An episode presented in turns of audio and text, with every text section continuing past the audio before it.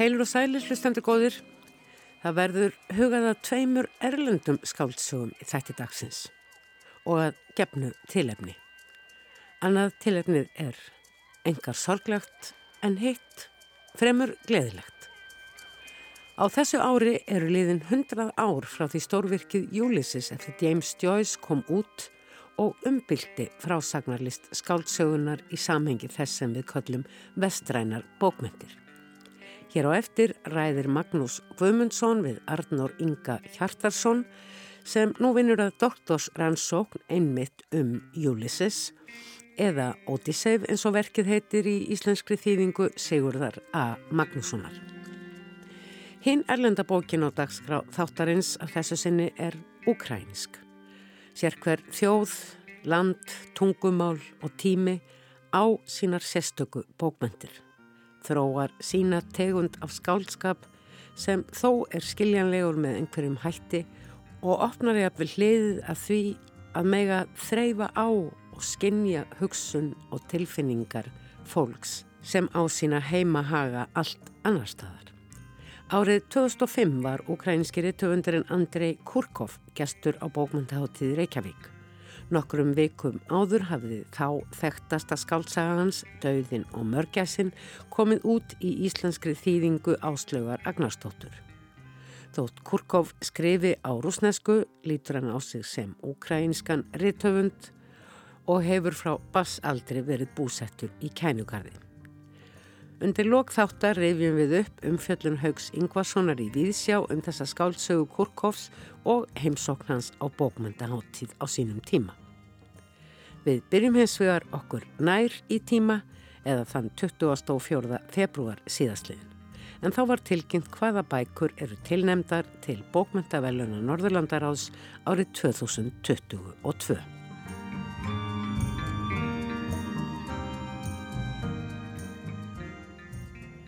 Það var á slæginu klukkan 11 að morgunni 24. februar að Íslensk domnend bókmyndaveluna Norðurlandarás kom saman í Gunnarshúsi og tilkynnti að tilnemdu bækurnar tvær fyrir hönd Íslands til velunana væru annars vegar april sólarkuldi, eitthvað alveg sérstakt frá sögnum ást og gæðveiki og huggun eftir Elisabetu Kristínu Jökulstóttur og hins vegar tröflunin eftir Steinar Braga Guðmundsson.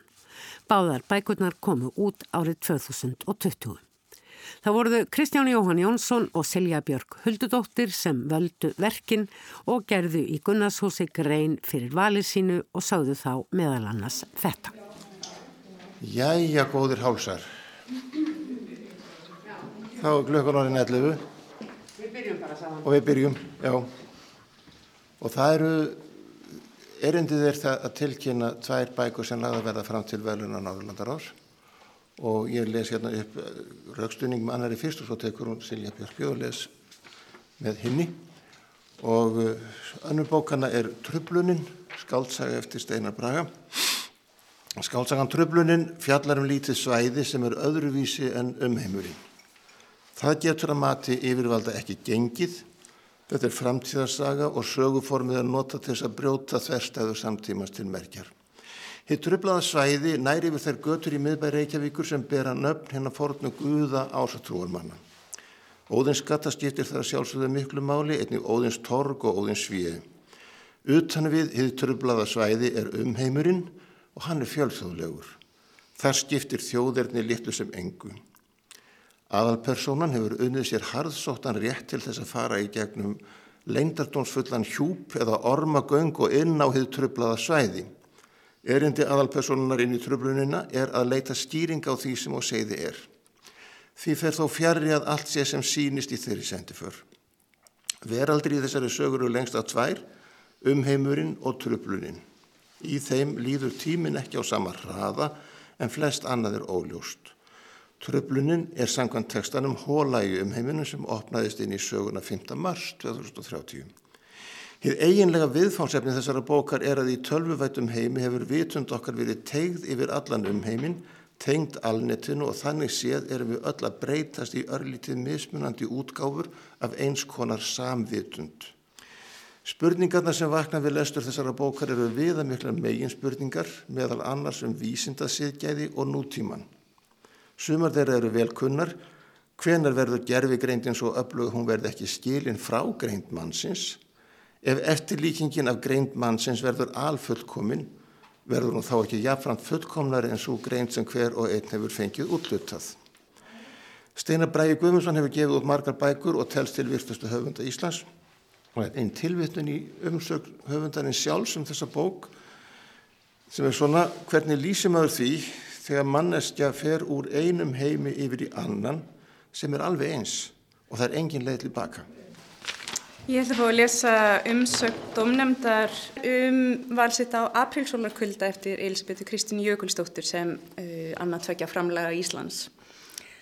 Dáin, dáin, hvernig gæti það verið? Hvað þýtti þetta orð? Þannig hefst skáldæfisaga Elisabetta Kristínar Jökulstóttur, aprílsólarkvöldi, eitthvað alveg sérstakt, frásögn um ást og gæðveiki og huggun. Í bókinni beitir Elisabeth aðferðum skáldskaparins til að rannsaka hvað gerðist þegar hún seint á 8. áratug síðustu aldar, þá um tvítugt, vektist af geðkvörfum og upplifiði vannmátt og skömm sem hún hefði notað stóran hluta æfinar til að rannsaka og miðla í list sinni. Sagan hverfist um vétísi sem á, á þröskuldi fullorins árana verður fyrir því áfalli að missa föðu sinn en reynist ófærum að takast á í þar tilfinningar sem því fylgja. Tregin sem herjar og vétísi eftir föðumissin er litaður reyði og eftirsjá sem hún veit ekki hvernig hún á að höndla eða tjá. Lóks flækist það fyrir henni að sirkja föður sem henni finnst hún hafa í rind mist löngu áður eða mögulega aldrei átt. Stuttu eftir andlátið og í tauga áfallinu miðju kynnist Vétís kjartani og ástarsamband þeirra bræðir klakabrinjuna innra með henni þannig að hún lætur undan afli tilfinningana. Samband að enginnist af ástsíki og stöður í výmöfnanislu með tilherandi þráhyggju hugsunum, óta, kvíða og þunglindi. Lýsing Elisabetar á því hvernig Vétís missir smám saman tengslinn við raunveruleikan vegna veikinda sinna og telur sig heyra og sjá margvíslega skilaboð í umhverfinu sem eru öðrum hulinn er meistarlega vel útfærð. Lausbeislaðu stílinn og húmórin sem á yfirborðinu ríkir geymir þunga unduröldu. Næfur og tær tekstinn kallast í fagufræði sinni sterklega á við barnið sem vétís fjekkaldri að vera en reynir í vannmætti sínum að hlúa að. Elisabeth hefur á þeim rúmlega 30 árum sem liðin eru frá því hún sendi frá sig sína fyrstu bók verið mikilvæg rött í íslensku samfélagi. Með innlægni, innsægi, húmor og hispusleysi hefur hún snert við lesendum og beint sjónum á vandasömmum viðfangsefnum á borðu við ást í öllum sínum myndum, fíkn af ímsum toga, ofbeldi í samskiptum, geðveiki og geð helbreyði. Hún hefur sendt frá sér ljóð, örsugur, smásugur, skáltsugur og leikritt. Samhliðar eittstörfum hefur Elisabeth fram í ímsa gjörninga og var heiðuslistamæður alþjóðlega myndlistar tvíaringsins Sequences haustu 2021. Elisabeth hluti Íslensku bókmyndavælunin 2020 fyrir aprílsólarkvölda. Hún hefur tvísvar hlutið fjöruvælunin, bókmyndavælunin Kvenna, fyrst árið 2007 fyrir skáldæfisöguna Heilræði Lásasmiðsins sem er nokkus konar sístu bók aprílsólarkvölda og síðan árið 2015 fyrir ljóðabókina Ástinn einn taugarhúa, engin dans við ufsaklett en árið síðar var hún í fyrsta sinn tilnæmt til bókmyndavælunar Norðurlandaráðs fyrir sömu bók. Til hamingi Elisabeth og steinarbrægi náttúrulega líka. En á sömu stundu og þessi litla en mikilvæga bókmynda-atöp fór fram í Reykjavík áttu sér stað viðlíka aðtapnir í öllum höfuborgum Norrænu ríkjana sem og sjálfstjórnasvæðana. 14 tilnefningar kynntar, tvær ljóðabækur og 12 skáltsugur. Oft má í verkum tilnemdun til bókmyndaveluna Norðurlandaráðs sjá hvernig ákveðin umfjöldunarefni virðast að minnstakosta á Norðurlandunum nærtækari en önnur. Valnemndirnar benda að þessu sinni á að ábyrjandi mörg hennar tilnemdu verka fjalli um ást, vald og það að vera utangars. Og mikið rétt, umsagnir valnemnda virðast staðfesta það um leið og fjölbreytnin er að vanda mikil. Á tilnefningalistanum á sjáljóð og sögur sem hafa kynverund að umfjöldunarefni sem og sögulegar skáldsögur, jafnvel skáldsögur þar sem þetta tvent er saminað. En í annari skáldsögunni sem finnar tilnefna, Oinúki eða Geldingurinn eftir Kristínu Karlsson er söguhetjan Geldingur við keisarahyrð Song keisaraveldisins í Kína á 12. Þá er beiting tungumálsins oft undirstrikuð eins og í umsögnum dönsku valnemdarinnar bæði um skáldsöguna om umdræning af omfang um útreikning rúmáls eftir Solveig Balle. Svo bók er raun þrjárbækur og höfundur lofar fjórum til viðbútar. Þessar sögur eða bækur fjalla allar um sömu stúlkuna sem upplifir sama daginn aftur og aftur, nefnilega þann 18. november. Næsta ótrúlegt söguefni í svo stórtæku verki og ónættanlega að var frumleg nálgun á tíman. Hinn bókin sem Danir tilnefna, Adam í Paradís eftir Rakel Haslund Jerild um listmálaran Kristján Sartmann sem lifði á fyrirluta 20. aldar, sem sagt sögulegt efni líka, en samkvæmt umsökt dansku valnemdarinnar er það tungumálið sem sérlega hrífur í því verki. Þar segir, hún, Rakel Haslund Jerild, skrifar á máli sem er í senn íburðar mikið og létt, mettað og tein rétt og sem hvetur til samkynjunar skilningarvita. Þessi skáltsaga, segir ennfremur, er sannkölluð fjársjóðskista myndkverfinga, fjörug og titrandi. Þá vekur umsökn færiskudomnefndarinnar um ljóðabókins unga Beinis Bergsonar Sólgarðurinn aðtikli. En hún er sögð fjalla um nálægð, nánd og kynferðismál. Nánar tiltekið nálegðina á milli tveggja drengja sem er að skapa áþreifanlegt rými fyrir eigin kynneið. Tungumálið virðist og nokkuð í forgrunni í ljóðabók grænlensku gjörningalistakonnar Jessi Kleman, Arktikos Doloros eða Þjáning Norðurslóða. Í umsökn valnemdar um þá bók er sagt á um fjalli um misnótkun nútíma fólks á náttúrunni, tapaða menningu frumbyggja og baráttu afkomenda innúít á Grænlandi við að finna nýja sjálfsviðtund í nattrænu nútíma samfélagi. Táknum, personum og fleiru úr grænlensku menningarlífi sé hér blanda sama við sambærilega hluti langt að. Á sama hátt og ólík tungumál, engum grænlenska, danska og enska, flækjast saman og mynda alveg ný merkingarrými. Það gerist ekki ósjaldan að höfundar sem áður hafa hlotið tilnefningu til bókmæntaveluna Norðurlandaráðs eru tilnefndir aftur líkt og Elisabeth Jökulstóttir nú en hún var einnig tilnefnd fyrir fimm árum fyrir ljóðabók sína Ástin einn tauga hrúa, engin dans við öfsaklett. Það er hins vegar að var sjálfgeft og að ég held einstæmi að höfundur sem þegar hefur hlotið velunin sé tilnefndur aftur. En það hefur samsagt gerst núna því svíjar tilnefna þessu sinni nýjustu bók hennar virtu Kerstin Eikmann en hún hlaut bókmyndavelu Norðlandaráðs árið 1994 fyrir skáldsöguna Hendelser ved vatten eða Atbörður við vatn eins og hann heitir í íslenskri þýðingu Sverris Holmarssonar frá árunni 1993.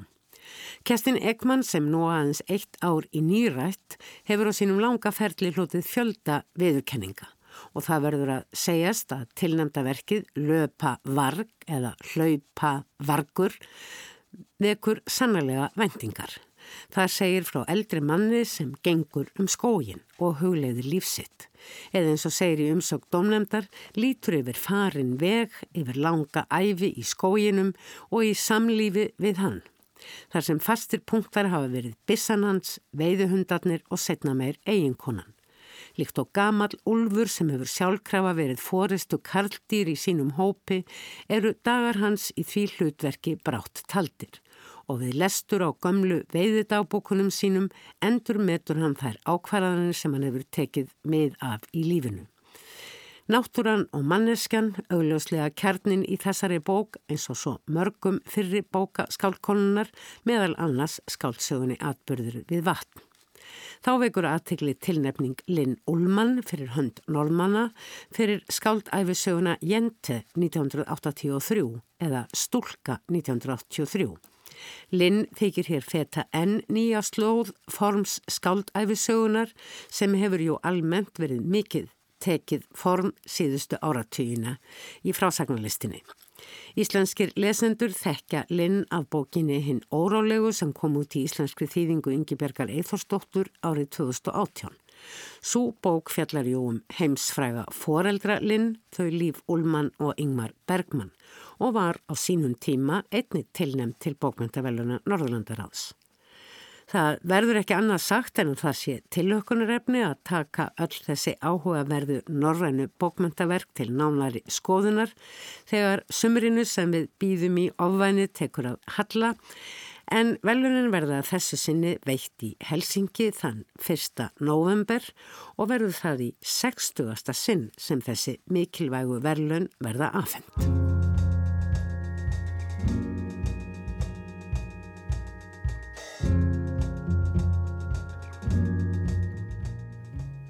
Annan februar á þessu ári voru liðin 100 ár frá því að skálsaðan Ulysses eftir íska réttöfundin James Joyce kom út í fyrsta sinn.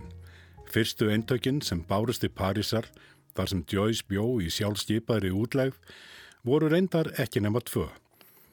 Eitt fór í síningarglugga útjefandans en hitt fór út að borða með skáldinu sem átti færtusamali á þessum degi og fagnaði því með eiginkonu og vinum.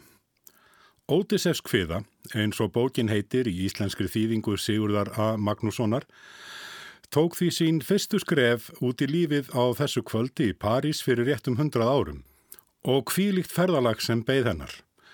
Joyce byggir bókina á sögukvæði gríska skálsins Homers en í stað hins forna sögusviðs og heimferð hetjunar Ódisefs og baráttu hans við allskins óvættir er hér greint frá ferðum geðingsins Leopold Blum sem rávar likla laus daglangt um Diblinarborg, heimaborg skálsins sjálfs. Það breytir þó engu um að ferðir Blums er ekki síður áhugaverðar en ferðir Odysseifs. Júlisis hefur verið bönnuð og bannfærð en líka hafinn upp til stíjana og elskuð af ótaf lesendum um allan heim og er hún þó allt annað en auð lesin. Hún þykir endar það tyrfin en um leiðmerkileg að um hana eru kent sérstök námskeið í háskólum um allan heim og eitt slíkt stendur emitt yfir í Háskóla Íslands um þessar mundir.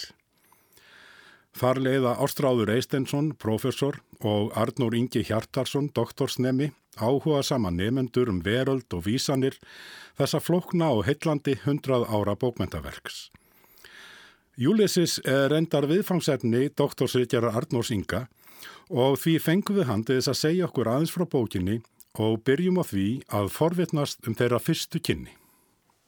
Mín fyrstu kynni af þessari bók uh, er í rauninu þau að ég laði bókina niður. Það er, uh, ég gekk að henni og komst ekki inn í hana og, og, og laði hana frá mér. Uh, ég skildi ekkert af hverju þetta var svona merkilegt og mikilvægt ritt í rauninni en þess að hún var oferfið í rauninni og síðar eiginlega fyrir tilviljun þá uh, kynntist ég henni aftur þegar uh, námskeið sem ég ætlaði að taka hjá Ástráði Eistinsinni fjall niður og hann í rauninni kvatti mig til þess að taka uh, Ulysses námskeið í staðinn. Og, og þannig kom ég að verkinu mun setna. Ég, ég var unglingur þarna í fyrsta sinn og, og með háleita drauma um að lesa öll helstu ritt mannkinsögunar og, og allt þetta og svo strandar maður á, á sömu þannig kem ég í laðinu það er fyrir þessa tilviljun að námskeiði hafi fallið niður sem ég ætlaði að taka þannig að ég endaði að taka annað og þannig hóst mitt samband við Ulysses Er, er nöðsilegt að vera vel lesin til þess að lesa þessa bók og takast á það? Ég held að hann krefjist ákveðins þroska ekki endilega í árumtalið en, en ákveðinar þólinnmæði líka og vissulega þekkingar eh, en hún miðlar um leið gífurlegu magni af þekkingu og, og bara alls konar þekkingu, leindardómum, ráðgátum lífsins, eh, bara upplýsingum um manns líkamann, eh, bara hvað eina, eh, alveg niður í, í, í smæstu sviði tilverunar, þá hún tekst á við allt frá því minnsta til hins mesta. En hvað gerði það að verkum að hún var bannfærið nokkuð víða? Það er kannski erfitt að segja nákvæmlega hvað það er en, en það er kannski fyrst og fremst bersögli gagvart einmitt mannslíkamannum en einnig bersögli gagvart uh, kathólsku og, og hérna, brotum á, á velsæmiskend ákveðina lesenda sem ákveða að taka þá ákveðin að, að þetta hendi ekki samfélaginu sem heilt. Ég held að það sé í rauninni grundallar atrið að hún er of bersögul, reynskilinn og, og, og hérna, einlæg á, á vissan hátt. Það er, uh, hann lætur ekkert ósnortið. Joyce, hann, hann snertur á öllum sviðum og það er í rauninni násíkukablin, það er 13. kablið. Þá er uh, bókin í rauninni bara dregin fyrir dómstóla að vissu leiti þrátt fyrir að bókin sé ekki eins og komin út. Hún byrstist náttúrulega fyrst í, í hérna, tímaritum, í, í litlum módernískum tímaritum, uh, The Little Review og The Egoist uh, og, og, og er svona partur af þessari uh, reyfingu sem kalluð hefur verið módernismi og hérna þegar násíkukablin kemur út þá, þá held ég að það sé svolítið svona drópin sem fylgti mælin. Þar sjáum við uh, svona já, bersögla lýsingu á, á, á kvötum mannsins, uh, kynfyrirslegum kvötum kannski sérstaklega og, og það var kannski það helst sem fór fyrir brjóstið á, á tollvörðum menningarinnar, eða svo má segja. Ulysses er þekkt fyrir markáttu stílbröð og þar á meðal er oft rætt um hinn punktalösa stíl. Er hann á einhvern nátt aðferð til þess að leina innihaldi verksins? Hver er tilgangurinn Arnór Ingi með þessari nálgun? Það er náttúrulega, þetta er ein af mítónum uh, sem uh, sem eru nánast eins og fyrirvarar uh, fyrir þessa bók. Það er hérna, það er þessi punktalösi stíl. Það er, það er feikið nóg á punktum í Ulysses. Það er fyrst og fremst síðasti kaplinn þar sem að við dembumst beint í vitund eiginkonu söguhetjunar það er uh, þessi hápunktur sögunar, þessi síðasti kapli þar sem við fáum þetta vitundarstreymi nánast punktalöst og það er náttúrulega síðasti kaplin, hann byrstist ekkert fyrir, fyrir allt vesenið, fyrir allt fjadrafókið og, og allt er hafið. Og, og, og það ég nei, ég held að það sé nú ekki tilhörun til þess að leina innihaldinu, ég held að sé fremur tilhörun til þess að nálgast vitund mannsins og raunveruleikan á eins, eins náinn og, og, og djúbstæðan hátt. Joyce var ekki í neinum feluleik, það er, það, hann var, það var alls ekki þannig. Og alltaf þegar vinir og vandamenn svona færðu fram ákveðnar gaggríni á, á, á kaplana sem að byrtust eins og til dæmis uh, Sírenu-kablan uh, sem að gerist á bar og er í rauninni byggður upp eins og tónverk þá hérna uh, þá rak fyrstu lesendur í Rókarstans og hérna spurðu, þú þarft ekki að, að skipta um stíl í hverjum einasta kabla og jáfnvel oftar en einu sinni í þeim kabla og Joyce sem betur fyrr uh, þrjóskaðist við. Hann, hann uh, við gaggrinni frá Harriet Weaver sem var í rauninni svona sponskona, uh, hún held honum uppi á mjög marga nátt og, og var hérna, velgjörðarkona Joyce og, og þessa verks. Hún svona uh, lísti því yfir hún hefði vorið fyrir vonbröðum með þann kabla og sem er skiljanlegt að því leitið að hann er íll skiljanlegur þessi kabli og maður þarf svolítið að, að rempast við að lesa hann. Og Joyce svarar í raun og veru að honum þykir leitt að, heyra það að kaplinn hafa ekki fallið í kramið en þetta sé í raun og veru eina bókin sem hann geti skrifað og hann verði að gera það á þennan hátt til þess að nálgast uh, mannlífið og nútíman veruleikan eins og hann er. Það er ekki eitt, eitt fastur punktur í tilverunni, þetta er allt síbreytilegt og, og, og maðurinn er jafn flókin og, og uh, heimurinn. Það er, það er þessi, þessi mörk manns og, og heims, þau eru svolítið afmátt í, í stílbröðum og, og frásagnaraðferð. Nú eru hundrað ár frá því að Joyce byrtið hennan veruleika. Á verkið jafn mikið erindi í dag? Já, það er, uh, það, við erum að kenna þetta námskeið núna í, í uh, Háskóla Íslands og jáfnvel þó uh, námskeiði sé ekki fjölmennt, þá er það í raun og veru dásamlegt að sjá þetta verk blómstra hjá, hjá nefendum sem í raun og veru líkt og ég sjálfur uh, koma að þessu verki vitandi af tilveru þessu mikilvægi og sessi í bókmyndasögunni en þau, það hefur eitthvað aftur að þeim frá því að stíga inn í það. Og, og þetta verk það, það tekst á við svo rosalega mannlega hluti.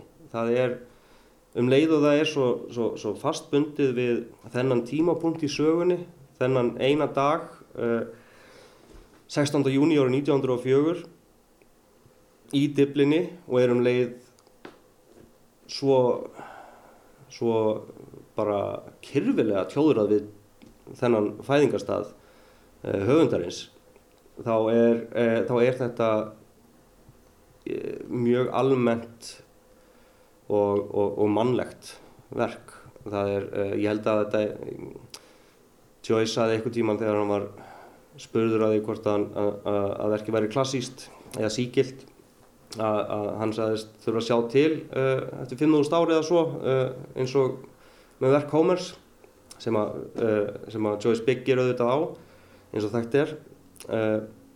Og, og ég ég segi náttúrulega eins maður svolítið að býða og sjá en, en mér finnst það alveg jafn dundur gott í dag og það var árið 1922 Og þetta verk er uh, þrátt fyrir háan erfiðleika stöður, þá er það samofið inn í uh, samfélagið í Dublin.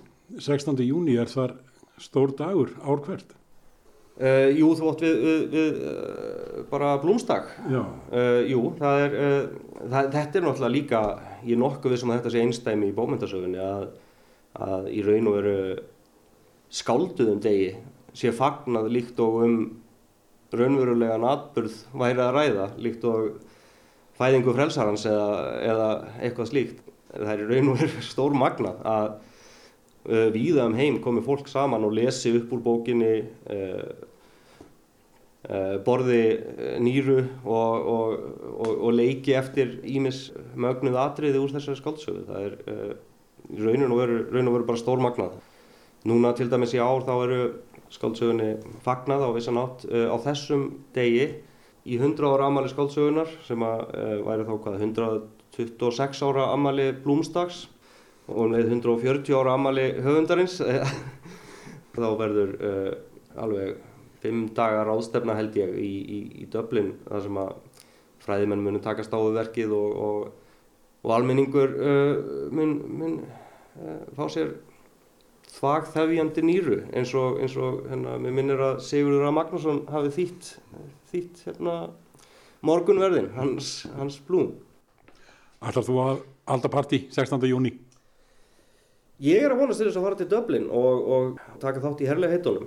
Svo er það náttúrulega annar mál að bókin var lengi vel uh, ekki velkomin í Dublin sem að er, er náttúrulega lýsandi fyrir, fyrir þá stöðu sem þetta verk hefur sem er í raun og veru utangas, líkt og höfundurum var og líkt og verki fjallar og svo margvíslegan hátt um, það er að vera utangasmaður e, í útlegð og, og, og slíkt. Við höfum hérna sögupersonu sem, sem er í Leopold Bloom sem er uh, e, geðingurinn gangandi á, á margvíslegan hátt uh, í þessari skáldsögu sem er á, á vissan hátt útlægur frá sínu einn heimili, hann er útlægur sögum uh, geðingdómsins í samfélaginu. Uh, jáfnveg þó hann sé ekki útlægur í bókstaflegum skilningi þá er hann utan gards og, og, og, og hann er jafnan framsettur sem þriðja hjólið, svo má segja. Maður veit stundum ekkert almennilega hvað hann er að gera þarna. Hann, hann, hann kemst ekki að í samræðum. Er, það er gripið stöðut fram í fyrir honum. Hann, hérna, hann er náttúrulega liklalaus á, á mjög tákrænan hátt bæði í, í, í þessum skilningi og, og á margar nátt í fröytískum skilningi. Og, og, og svo er Stephen Dedalus sem að, eh, er hérna hans verðandi andlegi sonur svo maður segja, það er leiðir þeirra að liggja saman uh, Stephen Dedalus uh, er liklalaus líka og, og, og, og á, á ferðalagi sínu um Dyblinaborg þá skerast leiðir þeirra margótt þeir mætast aldrei fyrir en loks þeir koma saman þar er svonarlösi föðurinn og föðurlösi svonurinn. Aftur líka þess vegna kent vegna þess að uh, Stephen á sér föður en hann er, hann er ekki fadir í þeim eiginlega skilningi og uh, núna er ég komin langt út úr efni, ég man ekki eins og hverju ég var að svara. Þú, þú algjörlega verður bara, hérna, þú, þú hverfur inn í þessa bók. Já, maður, maður gerir það, maður, uh, maður hálfpartinn drauknar í, í þessum texta og sem er, þú veist, þá vissan átt bara táknans fyrir textan sjálfan. Það, það eru margir í diblinni þennan dag sem býða þess að drauknaði maðurinn komi uh, upp úr sjónum. það var sem sagt uh, maður sem drauknaði á þessum tíma þá var reikna með því að þeir sem að fjallir sjóir þeir kæmu aftur upp þá ræki á fjörur uh, diblinnar nýju dögum senna, minni mig, ég man ekki alveg nákvæmlega hversu mörgum dögum það var en hvort það er lesandin, það veit maður ekki en, það er hérna í það minnst hægt að segja það að maður getur alveg týnt sér í þessum texta. Og vilst, uh, þessi bók er svo uh, hún er svo þjætt ofinn og stórkostlega uppbyggð líkt og völundarhús og líkt og svo mörg stórmerkilega bókmyndaverk þá maður getur farið margar leiðir í henni. Uh, maður þarf ekki að elda uppi hómerískar samsvaranir eða, eða slíkt og, og, og mér personlega finnst mikilvægt að stíga inn í þetta verk meðvitaður um það að þú ótt eftir að villast í þessu verki, þú ótt eftir að elda uppi alls konar ránkala og, hérna, og blindgötur og alls konar rétt eins og þú værir að lappa um í Stórborg sem þú Uh, hefur ekki kynst áður og jafnvel borg sem þú hefur kynst vegna sem að villist ég, villist í Reykjavík ennþá og það er ég, já, ég held að það sé mikilvægt að hafa þetta í höða þetta er uh, vörundarhús og þú getur valið til þín eigin leið. Það er svolítið uh, mikilvægt vegna þess að það eru svo margar. Það var Magnús Guimundsson, nýr liðsmaður þáttarins orðum bækur sem hér rætti við Arnur Inga Hjartarsson, doktorsnema í Júlissis.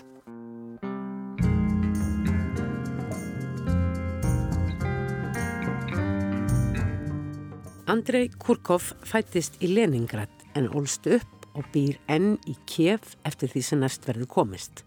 Hann er sagður ókrænisku rittöfundur þótt hann skreifi á rúsnesku og samkvæmt upplýsingum á netinu hefur hann oft andmælt hverskins viðveru Pútins herja í heimalandi sínu. Kurkov deildi eiga síður á sínum tíma hart á stjórn Úgrænu fyrir spillingu en það saðist hann vilja lifa í réttaríki.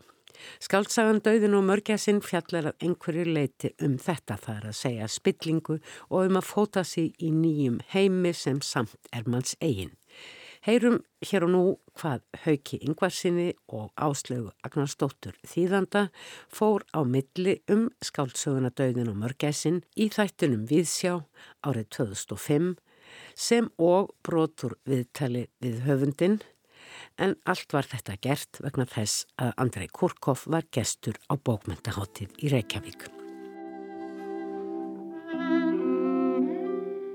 Það var komið kvöld og dimt í eldúsinu. Rafmagnið hafði verið tekið af án viðvörunar og ljósið sloknað. Í myrkrinu heyrði Viktor rólegt fótatak mörgæsarinnar Mísju. Viktor hafði eignast Mísju síðastliðið haust. Í dýragarðunum höfðu hungruð dýrin verið gefin hverjum sem treysti sér til að sjá þeim fyrir mat. Viktor lagði leðsina þangað og valdi sér konungsmörgjæs. Kærastan hans hafði einmitt farið frá honum í þessari sömu viku og hann var einmanna. En Mísja var líka einmanna á sinn hátt og einmannaleika tilfinningin var því helmingi sterkari sem hafði þau áhrif að samband þeirra virtist frekar einkennast af því að þau væru háð hvort öðru en að vináttu. Viktor gróf upp kerti, kvekti á því og setti það ofan í tóma majóniskrukku á borðinu. Skáldlegt flögt logans hafði þau áhrif á hann að hann fór að leita pappir og skriffærum í rökkurinu. Hann settist við borðið með pappirinn millir sín og kertisins, rauða örkin beigð eftir að skrifað yrði á hana. Hefðan verið skáld hefðu ljóðlínundna líklega skrifað sig sjálfar á kvítan pappirinn. En hann var ekki skáld. Hann var farstur í meðalmennsku dagbladagreina og lítilmótlegra smáprósa. Honum hafði tekist bestu upp með smáprósa. Örstuttar sögur, allt of stuttar til að lifa af. Ég vil þótt hann fengi borgað fyrir þeir. Skindilega hvað við bissuskot fyrir utan. Viktor hljópaði glukkanum og þrýsti andlitinu að rúðunni en það var ekkert að sjá. Hann settist aftur fyrir framann örkina. Hún hafði þegar dottið í hug saga um skotkvellin. Sagan var nákvæmlega ein blaðsíða kvorki meira nýminna og um það leiti sem hann lauk við sorglegan endin kom ramagnið aftur á og ljósið kviknaði á perunni í loftinu. Viktor bles á kertið, náði síðan í frosinn öfsa úr fristuhólfinu og lagði í skálina hennar mísju.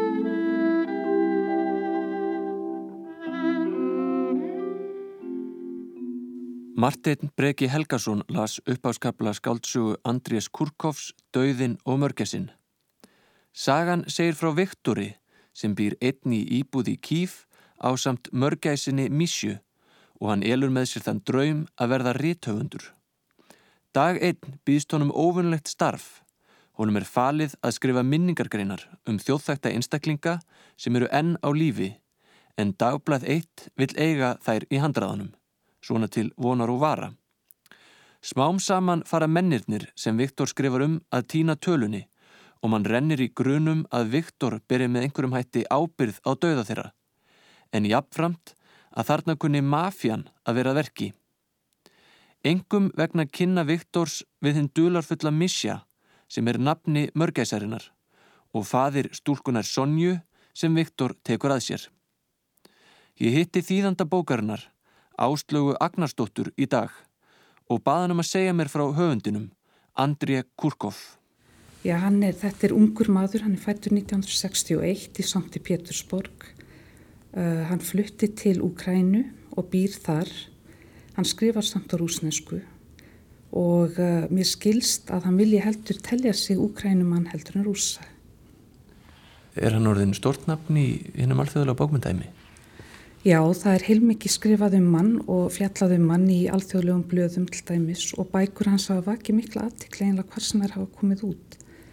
Hann hefur verið mikið þýttur yfir á ennsku, er allavega fjóra skáltsugur eftir hann komið út á ennsku og hann hefur verið þýttur yfir á dönsku til dæmis og þísku og fransku og kannski fleiri mál en þetta er það sem ég veit allavega. Þessi bók, Döðin og mörgæsin, er hún enginandi fyrir verkans? Er hún lík hinn um bókanum?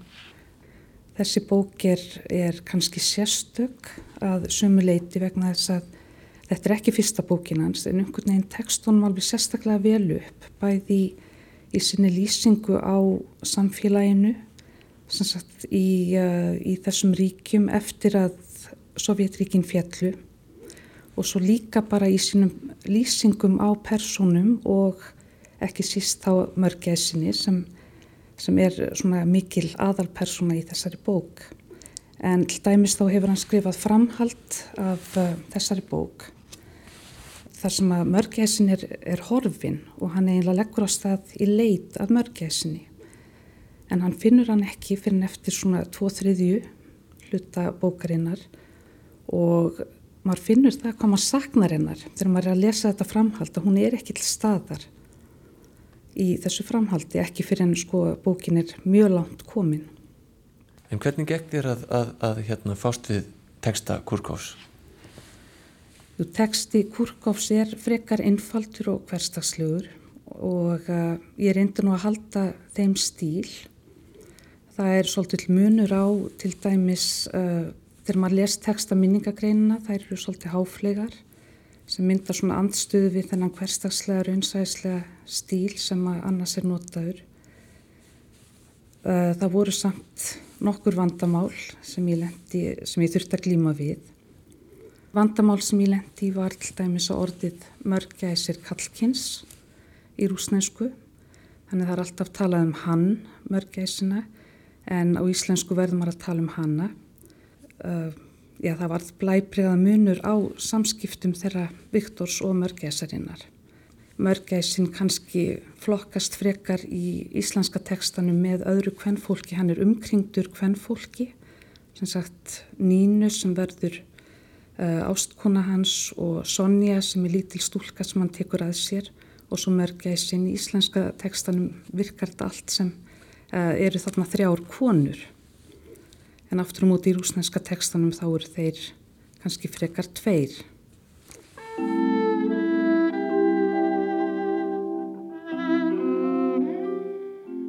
Fyrir rúmu ári hafði Olga með ljósa hárið verið vöna að sitja hjá honum á stólbríkinni, smávaksna Olga með stutt uppbrett nef og augu sem virtust æfinlega full ásökunar. Stundum hafði hún kvílt höfuð sitt á aukslans, steinsopnað og horfið inn í drauma veröld þar sem hann var líklega hverki að finna. Hann fekk bara að vera viðstættur í hennum raunverulega heimi en jafnvel í veruleikanum fannst honum hún ekki þurfa á nærveru hans að halda. Hún var þögul og döl. Hvað hafi breyst síðan hún stakka af á þess að segja orð? Nú var það Mísja sem stóð við hliðans, þögul að vísu en varðla döl. Hvað merti það að vera dölur? Lýsti orðið kannski bara andlitsvip. Viktor hallaði sér fram og horði í augu mörgæsarinnar. Hann horði rannsakandi í þau og leitaði að dölum svip en sá einungis hreyð. En þessi bók, Kurkovs, hún er, hún er full af einstæðingum sem maður er alltaf einhvern veginn að vona að náu saman. Það er ótrúlega sterkar tilfinningar sem er samt líst með, með fáum dráttum. Já, það er nú þannig að, að eh, tilfinningarnar sem, sem aðal persónna byrja hver til annarar eru ekki mjög sterkar eða virðast ekki vera þá yfirborðinu. Þá er samt, finnst mér mikið hlýja í þessari bók og uh, Viktor til dæmis, hann, hann ber hlýjar tilfinningar sérstaklega kannski til tvekja manna sem eru Sergei, vinnur hans og uh, það eru mjög skemmtilega lýsingar á því þegar þeir fara saman í áramóta, í bústað yfir áramótin og hafa með sér sonjur endar og mörgæsina og uh, svo, svo hins vegar er það Pít Palli, þar að segja mörgæsa fræðingurinn sem að Viktor hefur frumkvæðaði að leita upp.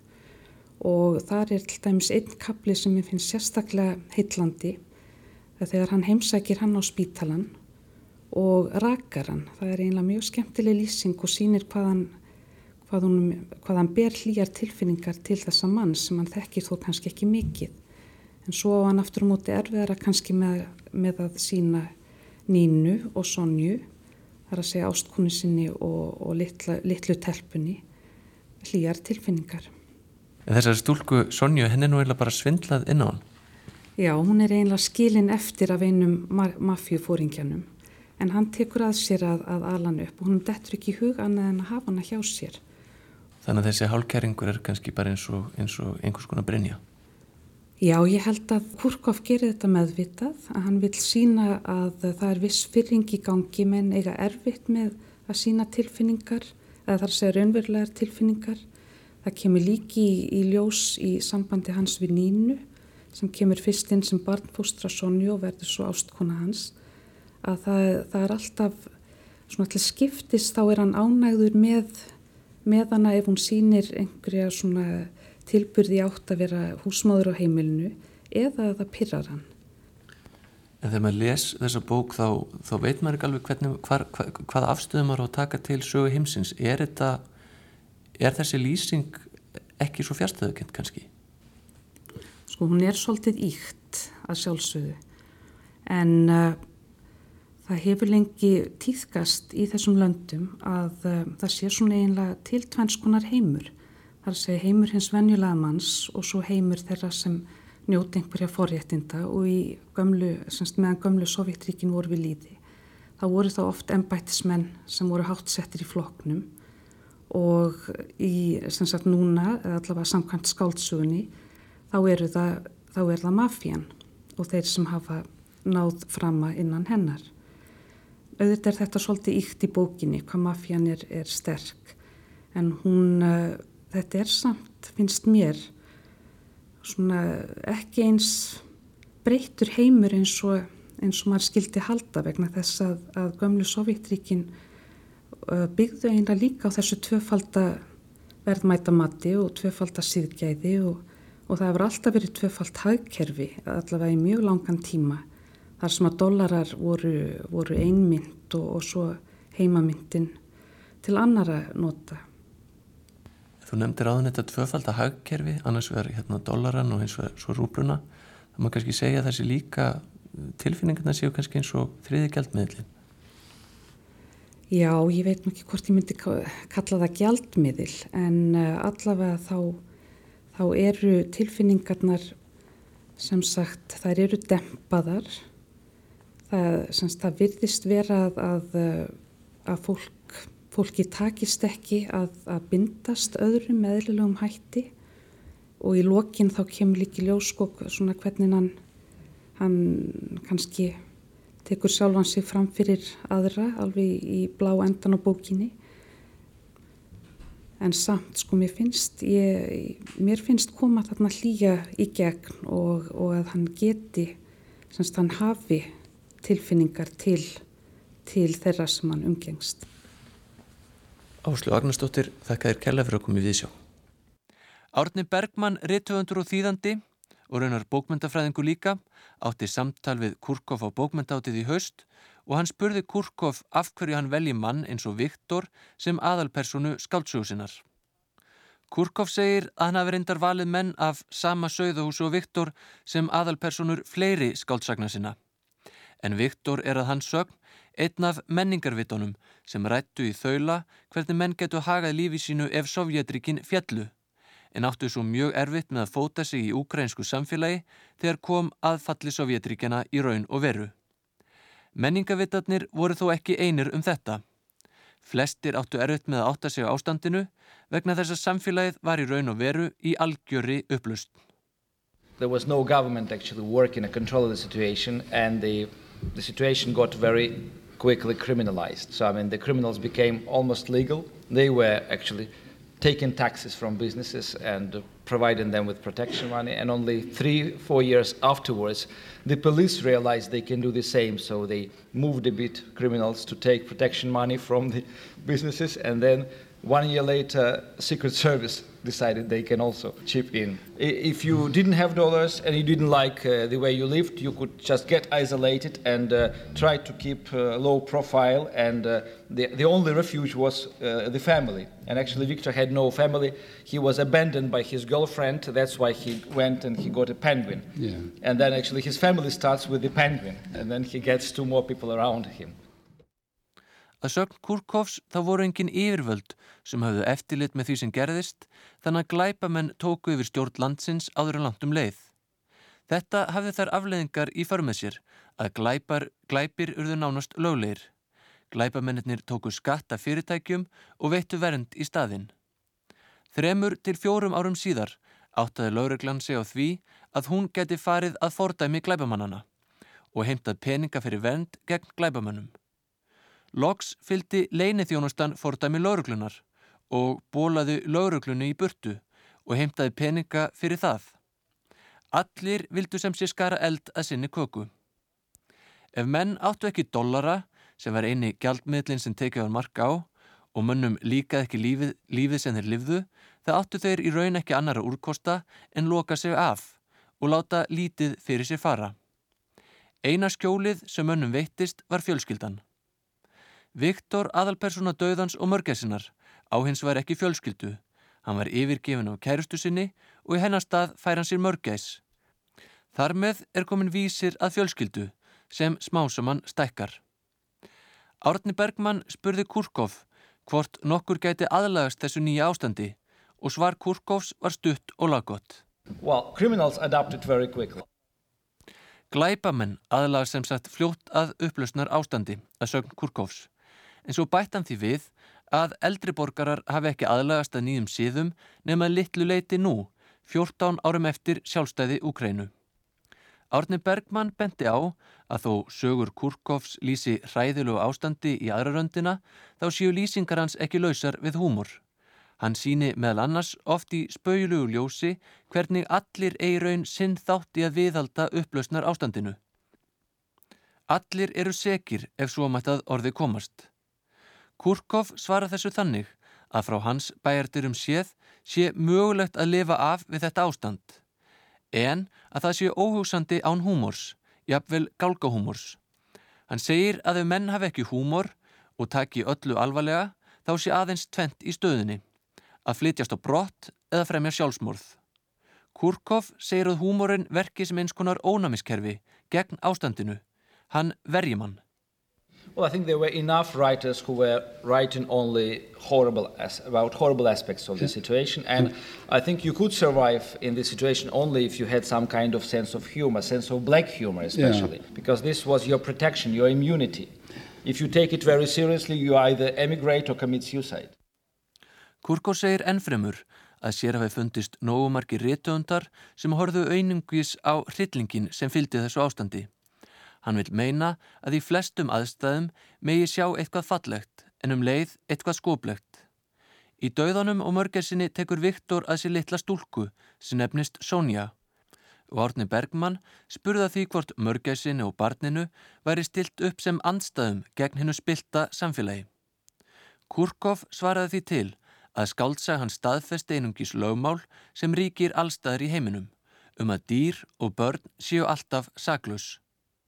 Kurkó segir að það við komið sér á óvart að dauðin og mörgæsin skuli vera svo af skáldsögum hans sem skaut honum upp á stjórnuhiminin. Sjálfur segist hann að búist við að fyrri skáldsögur hans, sem hann kallar heimsbyggilugu skáldsögurnar, myndu slá í gegn. En það var eitthvað við mörgæsina sem fólk fjall fyrir og hann bætir því við að tilstandið að búa til um hana mynd. Og hann hefur í bígerð sögur fyrir börn sem fjalla aðeins um mörgæsina og stúlkuna Sónju. Andri Kurkov er að rúsneskum uppruna en hann býr í Úkrænu og hann skrifar á rúsnesku. Þegar hann er spurður út í hvort þetta hafi djúbstæð áhrif á sjálfsmyndans þá segir hann að svo sé ekki. Um þessar myndir er úkrænska eina ofinbera tungumál landsins og sjálfur segist Kurkov hafi verið mótfællin því þegar ákveði var að gera rúsnesku að eins konar ofinberu hliðarmáli. Þó hefur rúsneska enga réttarstöðu í landinu en Kurkov segir að 95% allra þeirra bóka sem seljist í Úkrænu sé skrifaður á rúsnesku. Hann segir að þeir höfundar sem kjósi að skrifa á úkrænsku gefu út bækur sínar í um það byrj þúsund entökum og það finnst honum ekki mikið í landi sem hefur 48 miljónir íbúa. Kurkov segir að á tveggjára tímabili hafi hann verið ofsóttur af þjóðurnisinum sem höfnuð honum vegna þess að hann skrifaði á rúsnesku. Þetta breyttist þó þegar hann fór að njóta velgengni um þessar mundir er Kurkov sá ukrainski rítumundur sem þýtur hefur verið á flest erlend tungumál. Í hugum sumra var þann því að einskonar þjóðurnis tákni. Nýjasta skáltsaga Kurkovs, Gráar bíflugur, sem árið 2019 kom út í Þískalandi, er þar í umsögnum kalluð Úkrænu skýringin. Þar virðist á ferð skáltsaga um rætur og tengsl við ákveði land og menningu og um þjóðverðinshyggju. Talað er um nútíma þroskasögu fólks sem á ólíkum forsendum tengist ákveðnum landsvæðum. Fleiri verða orðum bækur ekki að þessu sinni um hljóðið sá með virtum Georg Magnússon, honum er þakkað sem og ykkur hlustendum fyrir samveruna verði sæl.